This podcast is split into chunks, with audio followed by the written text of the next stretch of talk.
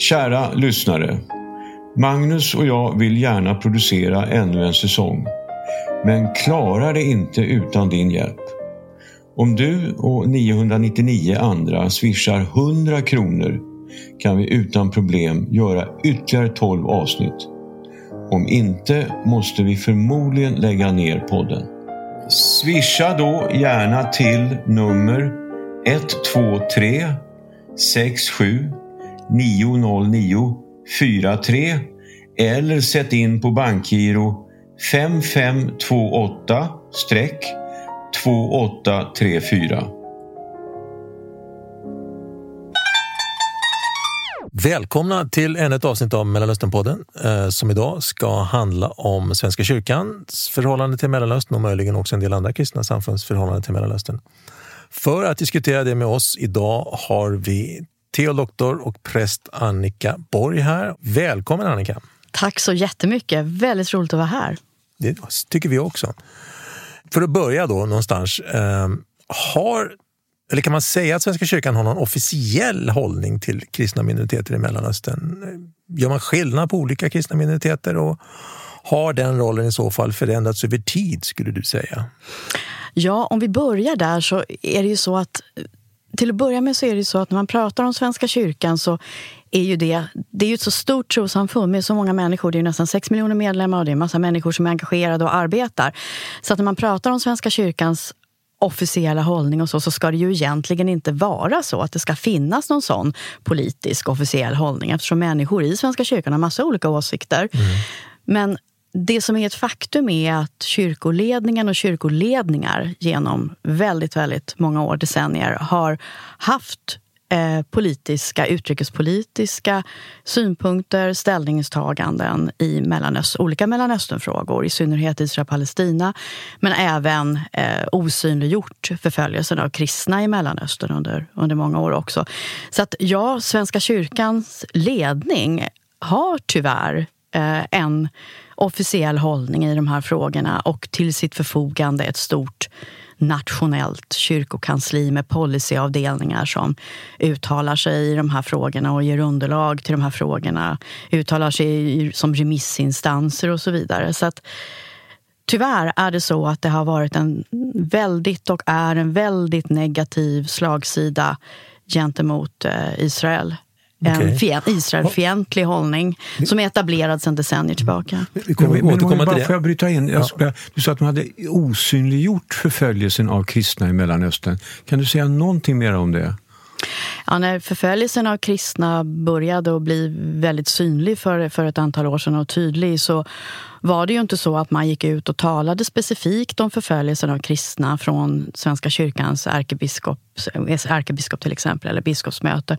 Utan man talade om olika förföljda grupper och så vidare och ville inte specifikt peka ut att det faktiskt var kristna som precis som judar höll på att utplånas i Mellanöstern. Och även andra grupper naturligtvis, yazidier och så, osynliggjorde man också. Utan man liksom, det var tros, människor som blev förföljda av sin tro i någon slags allmän mening. Men man pekade inte specifikt ut att det faktiskt var de egna kristna trossyskonen som var förföljda. Och det här var ganska många debatter om för en sådär fem, sex, sju år sedan. Där man till exempel uppmärksammade i Sverige att det skulle behövas särskilda asylboenden för kristna eftersom de fortsatte att bli mm. förföljda av eh, en del muslimska flyktingar även i Sverige. Och det där motsatte sig Svenska kyrkan från officiellt håll att det skulle behövas. Eh, fast det naturligtvis visst behövdes. Så att, eh, det har varit ett osynliggörande, en eh, ovilja att prata om det. Det är egentligen bara senaste året som man har börjat att Men hur skulle man förklara den här oviljan? Ja, hur ska man förklara den här oviljan? Eh, den är ju svårförklarlig i den meningen att, att jag kan ju själv inte förstå det, så att säga, varför man inte står upp för de kristna trossyskonen. Exempelvis så, så eh, initierade jag tillsammans med några kvinnliga prästkollegor en, en Facebookgrupp som heter Mitt kors där människor la ut bilder på, på sig själva med kors runt halsen för att stödja utsatta kristna. Och det här skedde då 2016 efter det här bestialiska mordet på en katolsk pater i Frankrike, fader Jacques Amel, som blev slaktad eh, och några nunnor blev skadade också under, under gudstjänsten. Eh, och det här, vi ville uppmärksamma utsattheten i världen, i Mellanöstern, men också att detta sker även i Europa. Och då blev reaktionen att det här var en del i något slags islamkritiskt, islamfientlig mm liksom, diskurs eller, eller kulturkrig. Det var en fullständigt absurd reaktion från delar av kyrkoledningen på den här, eh, det här engagemanget för att kristna. Och det blev för mig en, en väldig ögonöppnare. Så förklaringen är att man, man ser någon slags... Att ett, ett, ett engagemang för kristna är ett engagemang mot islam. Det är så man tänker. Och det där går ju in i liksom en, en större mm. retorik i i samhällsdebatten. Det är ett väldigt politiserat sätt att se på någonting som faktiskt är helt självklart. Vi måste stötta våra kristna trossyskon som utsätts för utplåning i Mellanöstern. Det finns liksom inte det, finns inte, det, det är helt svart eller vitt. Liksom. Det är bara att mm. göra. Så att det, men jag tror det att det är en, ett uttryck för en politisering. Eh, mm. Men för mig var ju det chockerande naturligtvis. Eh, därför det blev så väldigt tydligt. Vi trodde ju att man naturligtvis skulle stå upp för för det här eh, mm. och tycka att det här var en bra idé. Mm. Att vi sätter på oss och visar korset i solidaritet med utsatta människor. Har den här rollen förändrats? Har det här förändrats över tid skulle du säga? Alltså det som du beskriver nu, har det alltid varit så eller är det någonting som har kommit upp de senaste åren, de här, det här förhållningssättet skulle du säga?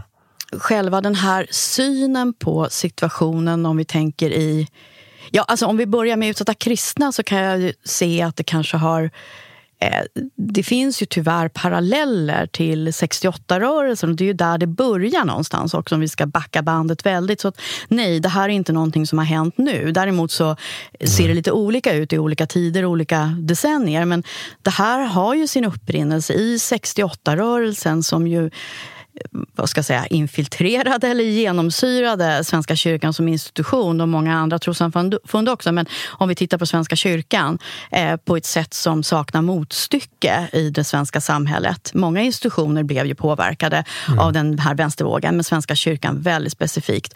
Och där, redan där var det ju så att man, om vi tänker det här med utsatta kristna, att man faktiskt underlät att stå upp för utsatta, eller man förnekade att kristna var utsatta i Kina till exempel. Och, mm. och, så.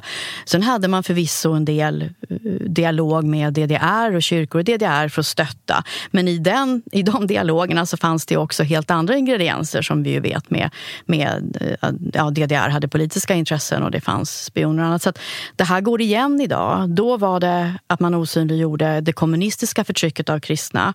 Idag är det att man osynliggör det jihadistiska, islamistiska förtrycket av kristna.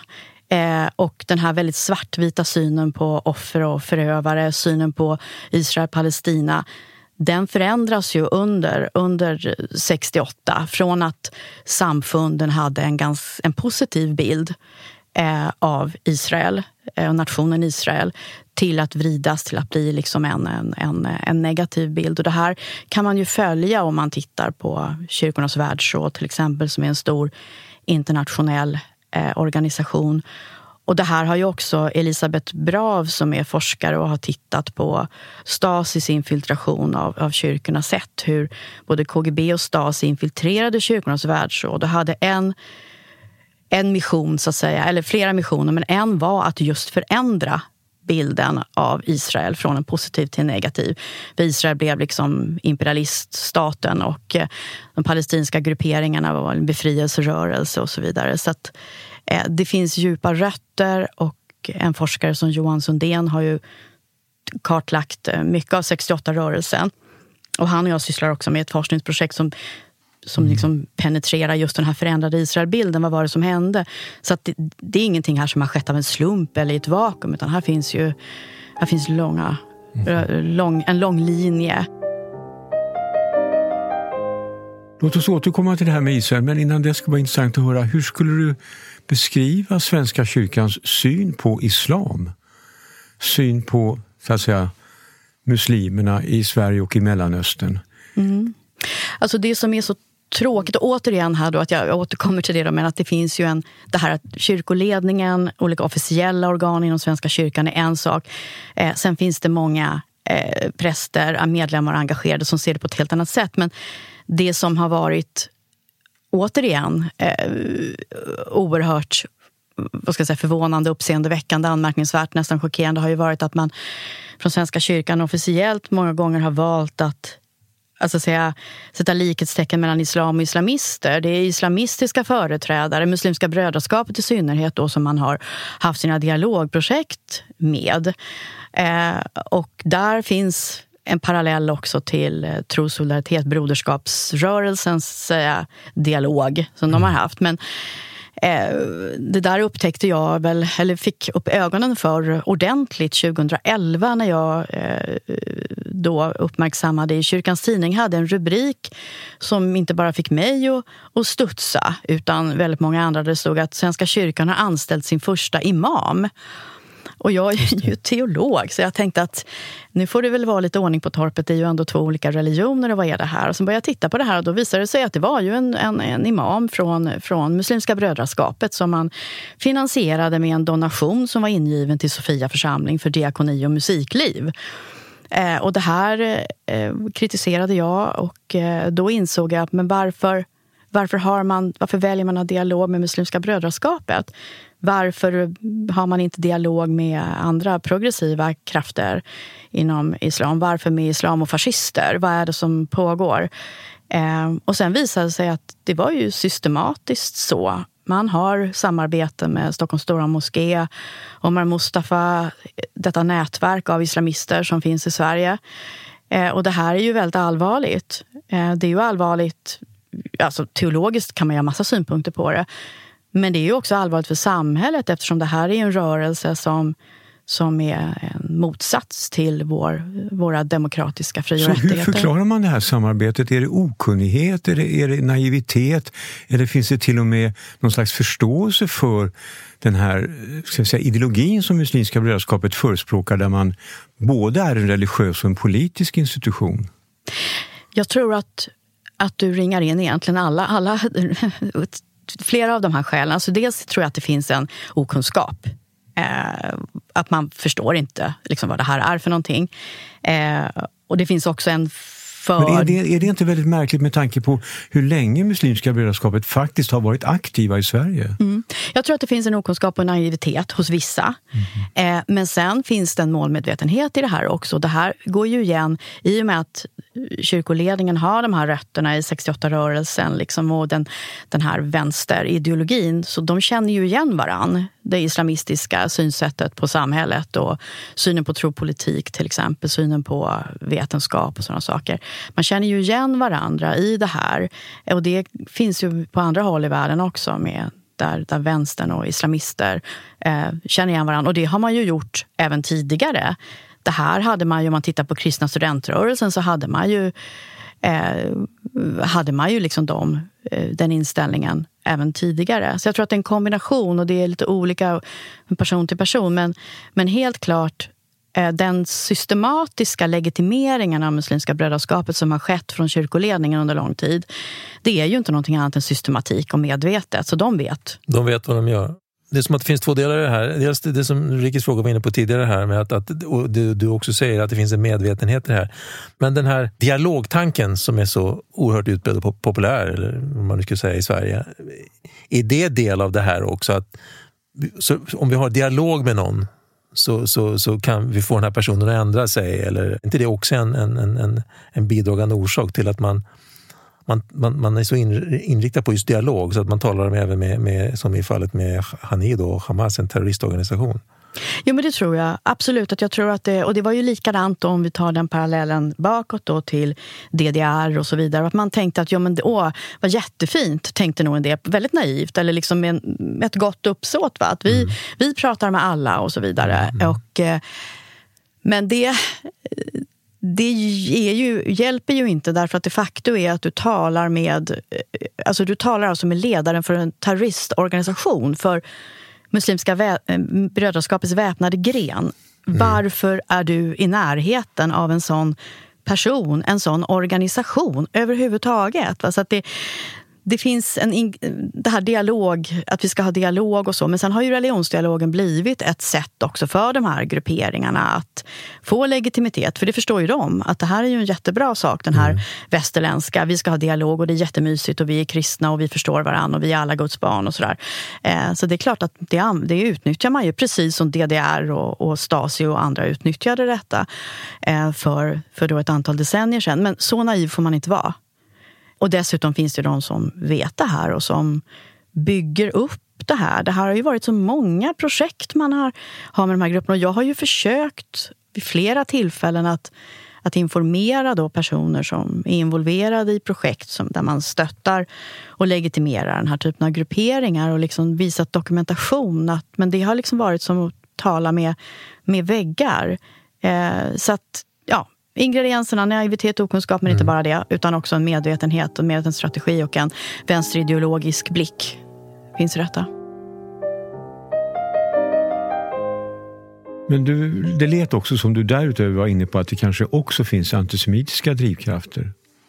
Ja, eh, alltså antisemitism Eh, och den moderna antisemitismen, det är ju någonting som man kan lära, man kan ju lära sig. Om man inte förstår med ryggmärgsreflexen hur, det, hur den typen av föreställningar manifesteras så kan man ju lära sig det. Eh, och eh, Kyrkan har ju flera årtusenden av antijudiskhet och har ju även i Nya testamentet den typen av tankegångar vilket ju naturligtvis är eh, väldigt svårt att, att hantera. Men det som har hänt de senaste åren, det senaste decenniet, är ju att Svenska kyrkan då officiellt exempelvis har spridit tankar om den judiska världskonspirationen i det här, det finns ett nätverk som heter Kairos mm, Palestine som är då palestinska kristna i huvudsak som driver eh, med ett oerhört Israelhat eh, som ju då tippar över i antisemitiska språkbruk som den judiska världskonspirationen.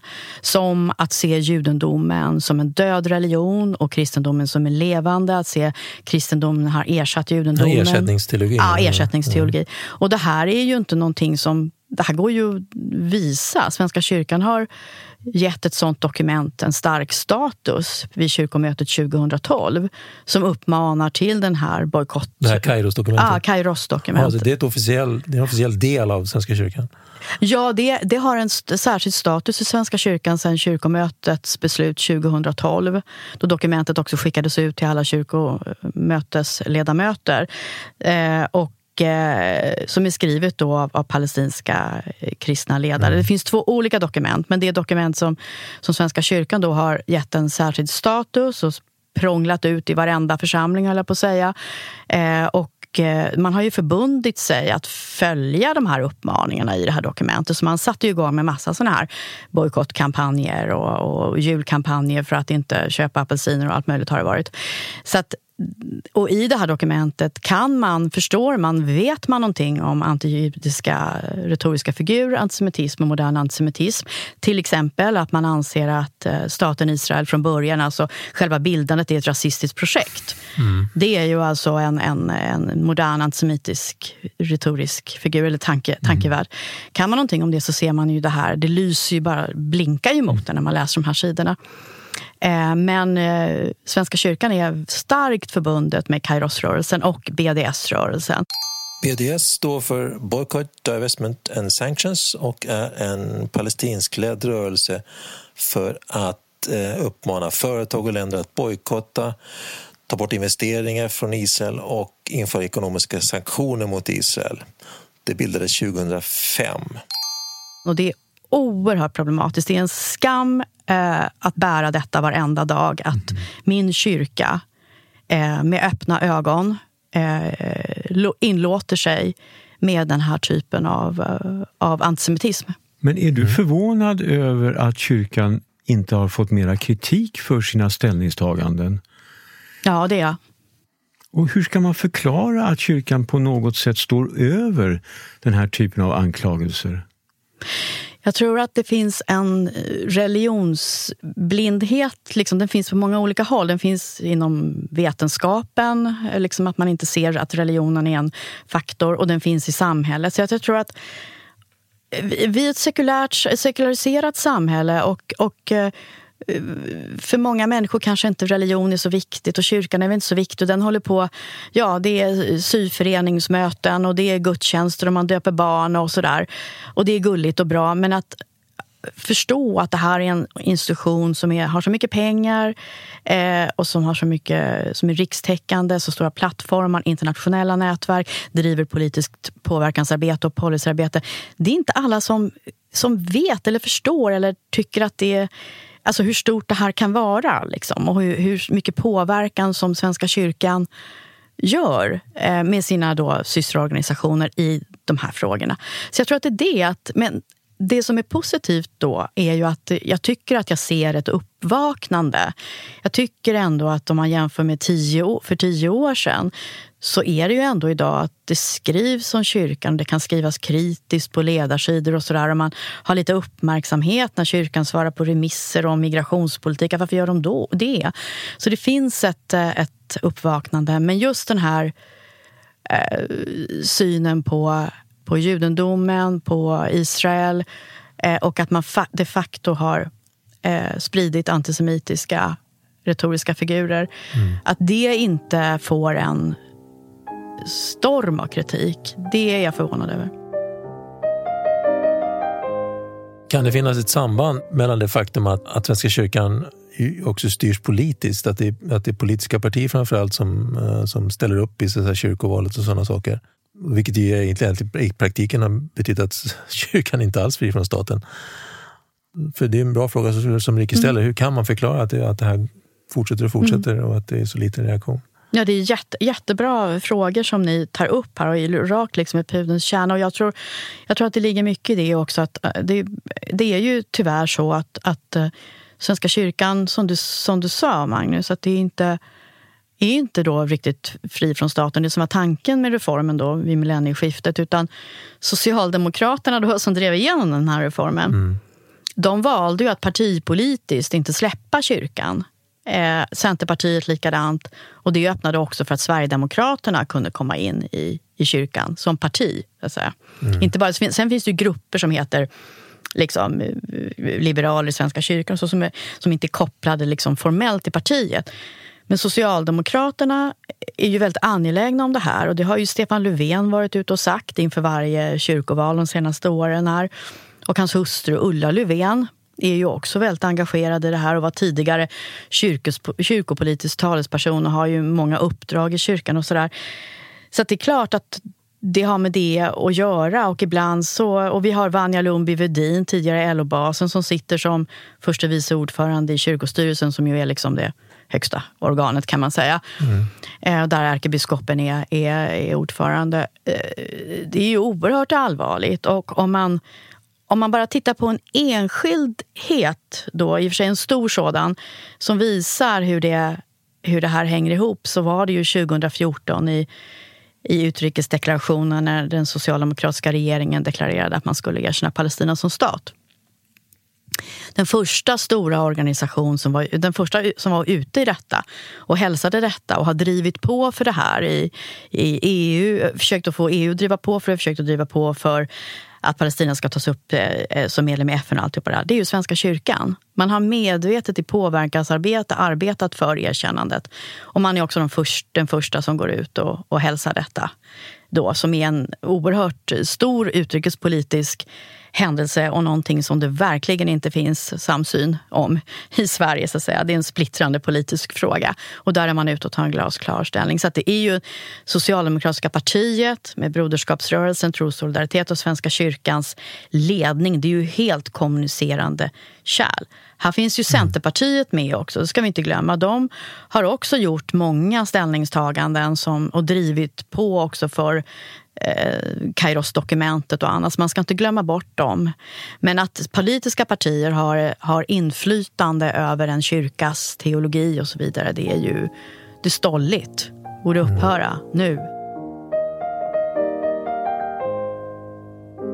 Men när du tar upp de här frågorna, blir du motarbetad? Blir du mobbad? Liksom, hur reagerar omgivningen? Är du så att säga en ensam o, ja, obehaglig röst i det här? Ja, så har det ju varit. Eh, att det har ju haft ett pris. Mm. Och framförallt har ju Israel Israelfrågan, om man är tydlig där, så har ju det ett pris inte bara inom kyrkan utan det kan ju ha ett pris även utanför. Att den, Sverige har ju under så lång tid haft en så skev medierapportering om Israel och Palestina så att det är ju liksom eh, vem som är ond och god där. Det är väldigt stereotypt för många människor så det är klart att det kan ha ett pris. Men, eh, och det är klart att eh, jag har ju fått propåer och det har ju handlat inte enbart om Israelfrågan men även frågan om islamism. Men det hänger ju ihop. Trycker man på de här båda ina, det, det hänger ju ihop. Ja, det vet ju ni liksom som är, och eh, många som lyssnar också. Så, men det är väldigt intressant hur sammanflätat det är. Eh, då kan man ju bli uppkallad för samtal hos biskop och så. Liksom, och att man är illojal mot kyrkan när man visar på de här mm. sakerna. Eh, men för mig så det, det finns ju liksom inget alternativ utan det här är, det är sant, det är viktigt. Men vänta, det är det så att, man, att, att det faktiskt kan leda till att man blir uppkallad till biskopen? För att man, ja, det har jag blivit vid två tillfällen. Okay. Så det, det, och det, jag är inte vad, ensam. Vad har då varit anklagelsen ja, mot dig? Vad, har man sagt till dig? Ja, anklagelsen har ju varit, och nu handlar det ju om att jag debatterar, jag har ju debatterat väldigt mycket kring Israel och visat på hur man har kopplingar till BDS och hur man legitimerar dem och bjuder in dem. Och varit jättekritisk till Kairos-dokumentet och alla mm. dessa aktiviteter man har runt det. Eh, men sen är det ju också frågor kring islamism som jag har debatterat, om kristen identitet och om kyrkan gör med sina pengar och eh, granskat, avslöjat saker. Mm. Och det, så det har varit på många. Och då har det hänt vid två tillfällen att jag har blivit uppkallad en gång till den nuvarande ärkebiskopen en gång till biskopen i Stockholm. Tidigare biskopen i Stockholm ska jag säga då. Och eh, det har ju väl varit på liknande tema, deras eh, inställning till mig då att jag är illojal mot kyrkan när jag granskar. Jag är illojal. Jag är illojal mot kyrkan och jag är illojal mot mina prästlöften. Som lyfter, eh, som granskar och debatterar på det sätt jag gör då. Eh, och eh, det är för mig, när jag var uppkallad hos ärkebiskopen som hade en, en sån här en bibba uttryckta papper bredvid sig där jag skulle konfronteras med vad jag hade skrivit på Twitter och så. Och Twitter är ju ett, ett medium där man är ganska, kan vara ganska hård, liksom väldigt tydlig. Man har inte så många tecken på sig och så. Så att jag har ju varit tydlig liksom, och skrivit... Jag, kan vara, jag är en tuff debattör. Liksom. Men eh, då skulle jag stå till svars för allt detta. Och en hel del handlade ju om min kritik mot att jag uppfattar att ärkebiskopen, och det är ju inte bara Antje Jackelén, den nuvarande, utan det har ju även varit tidigare som har legitimerat islamister och att detta är för mig en, alltså det är en det är monumentalt. Man får, det går inte, vi kan inte göra så. Det är, kan inte legitimera islam och fascister. Um, och det, hade, jag, hade jag varit ung och, och liksom eh, nyprästvigd och kommit ut i tjänst och blivit uppkallad och fått höra det, så då vet jag inte hur jag hade reagerat. Då kanske jag hade tystnat. Mm. Eh, ett tag i alla fall. Men eftersom jag har plattformar och, och, och så. Men det är klart att det tog på mig. Jag var väldigt trött efteråt, efter det samtalet. Om man skulle ta ett konkret exempel. Jag tycker det vore intressant att höra hur du ser på det som har hänt på Svenska teologiska institutet i Jerusalem. För där har ju verksamheten förändrats under de senaste åren. Vad kan man säga om det? Vad är det som händer där nere? Jag är jätteglad att du tar upp det. För det här är en, det är en sån stor sorg, ska jag säga. Därför att, eh, och jag blir lite, väldigt personlig nu, därför att det här är ett institut som är en fullständig kronjuvel i den judisk-kristna dialogen sen mm. 50-talet. Så viktig. Den fantastiska byggnader, byggnader Taberhuset där i, på, på Profeternas gata. Och, eh, jag studerade själv där för Göran Larsson 1989. Eh, och då var ju det ett väldigt akademiskt institut. Man läste hebreiska och Mellanösterns religioner och liksom också samtiden och så. Och eh, Christer Stendahl, biskopen i Stockholm, var också väldigt engagerad i det här. Och det har varit fantastiskt. Präster har kunnat komma ner och även andra och få fortbildning, utbildning och även studera under längre tid. Men sen har det här successivt blivit blivit en hub eller en plattform för just den här anti-israeliska, eh, palestinska kristna, ganska lilla kyrka med aktörer som Mitri Raheb till exempel och andra som är eh, eh, som är så att säga, integrerade med, med BDS-rörelsen. Man säger Kairos, hela det här Kairos Palestine, det är ju, det är ju BDS-rörelsen, den här bojkottrörelsens kyrkliga gren kan man säga. Och mer och mer har det blivit fokus på det där nere och eh, 2014-15 någon gång så uppmärksammade jag att man i ett styrdokument för Svenska teologiska institutet tänkte ta bort att det skulle vara särskild fokus på den judisk-kristna dialogen. Och så skulle man lägga till islam. Och självklart, jag menar, 1989 läste vi också islam och hade muslimska representanter som kom och, och liksom gav, eh, gav liv åt de framställningarna. Så det är ju inget konstigt. Religionshistoria består ju av alla Mellanösterns religioner. Så det är inget konstigt att man skulle lyfta fram det. Men det viktigaste var eh, då att, eller det allvar, man skulle alltså ta bort det. Och då skrev jag en motion, där satt jag i kyrkomötet för de partipolitiskt obundna grupperna där. Och eh, jag skrev en motion till kyrkomötet eh, där jag då lyfte fram det här eh, och att det här var oacceptabelt. Att eh, det här, det finns ingen plats på jorden med en så mångfald, rikedom av judendom som i Israel. Det finns ingen annan judisk stat. This is it. Liksom. Och här har vi denna kronjuvel som har till uppgift att ha fokus på den judisk-kristna dialogen i denna unika miljö med dessa alltså unika möjligheter. Våra kristna rötter. Det här är liksom så. Och jag insåg att de håller på att slå sönder det här målmedvetet för att den här politiska pro-palestinska aktivismen håller på att ta över även där. Ja, först trodde jag ju inte att det var sant, alltså, men det var det ju. Och jag kommer ihåg den, det kyrkomötes eh, eh, sessionen när jag argumenterade då eh, för att den här skrivningen med fokus på det judisk-kristna skulle naturligtvis vara kvar. Mm. Och de förnekade att, att jag hade rätt. De sa att det är inte sant. Jag stod alltså och läste i hur styrdokumentet såg ut då och hur det skulle se ut när de ändrade det och höll upp dessa dokument. Och de förnekade ändå att det var så. Sen dröjde det ju inte länge så, så min motion den gick ju inte igenom. Eller fick inte bifall då. Även om det var många som stödde den, det ska jag säga, men det fick den inte. Och eh, några år senare så var ju det här borta. Eh, professor Jesper Svartvik som var knuten till institutet, en fantastisk forskare, blev fruktansvärt illa behandlad. Då, det är ena delen av det, men det är också det att, att man, eh, ja, man gjorde om allting helt enkelt. Så det är inte längre den platsen. Och det, det är en katastrof. Det är förskräckligt.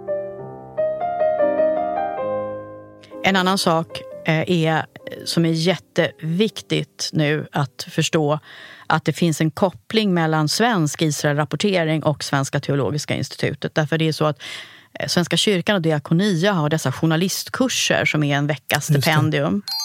Diakonia är en kristen biståndsorganisation som bildades så tidigt som 1966.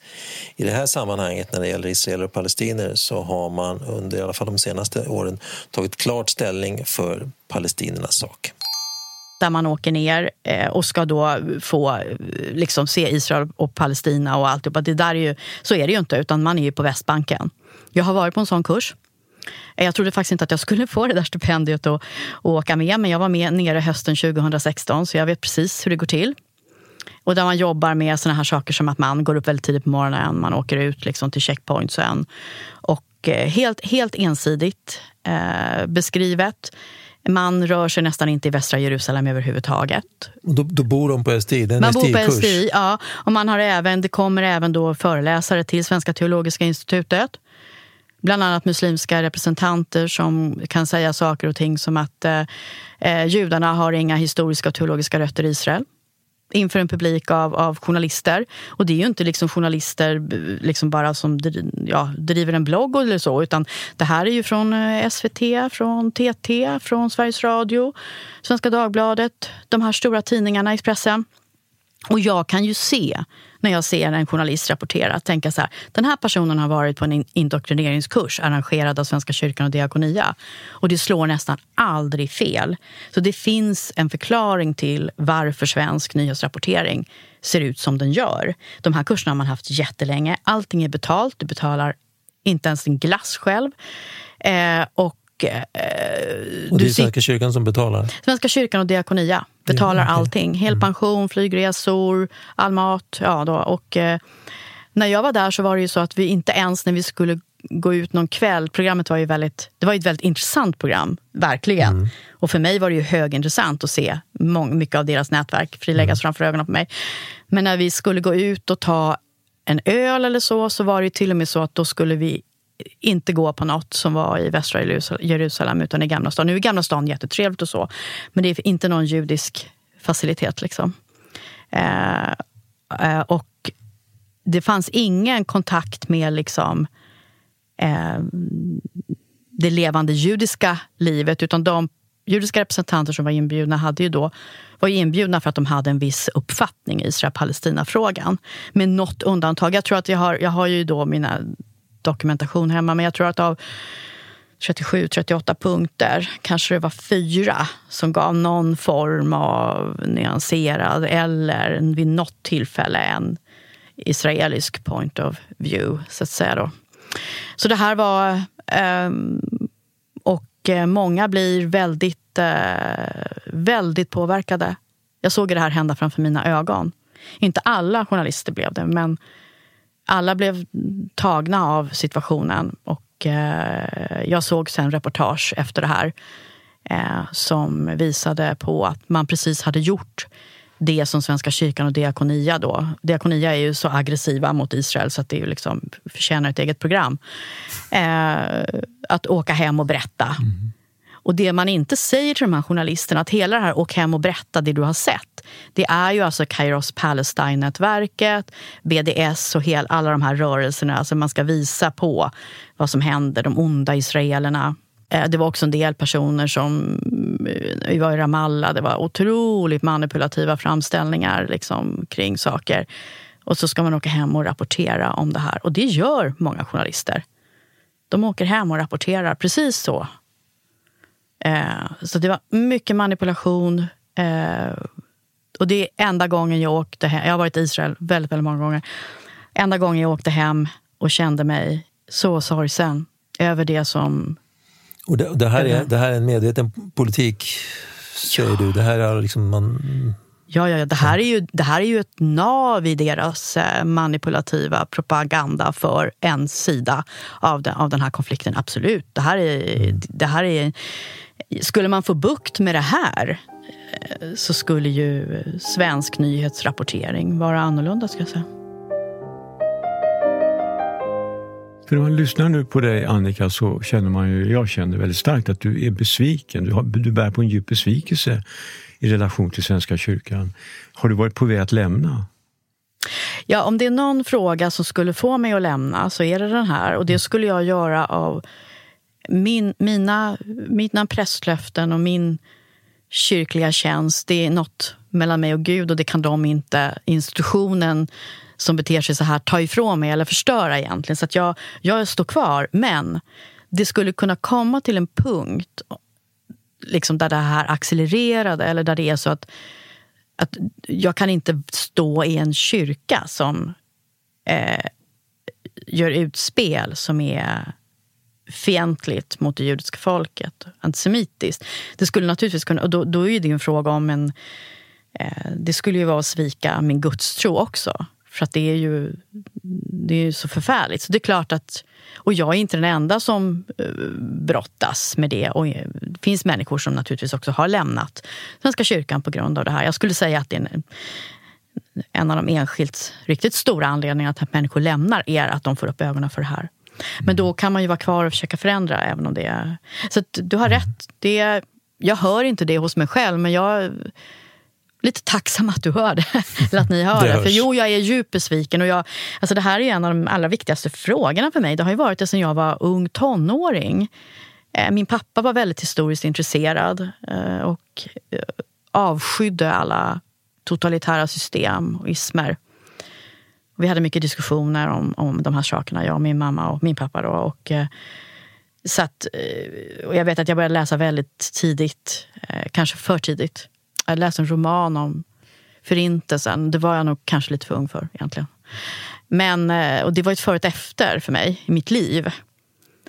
Så det här är en så ryggmärgsfråga för mig. Eller det är inte en fråga, det är ett universum.